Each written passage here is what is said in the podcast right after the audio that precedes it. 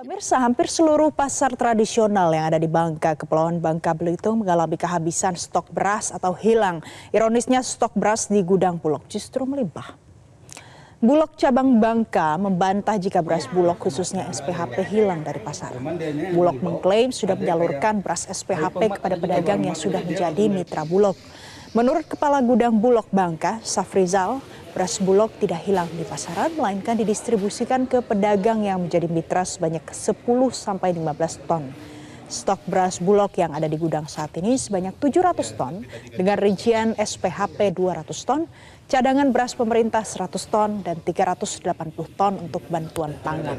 Safrizal menambahkan harga beras Bulog SPHP sesuai harga eceran tertinggi yakni 11.500 per kilogram atau 57.500 rupiah untuk kemasan 5 kilogram.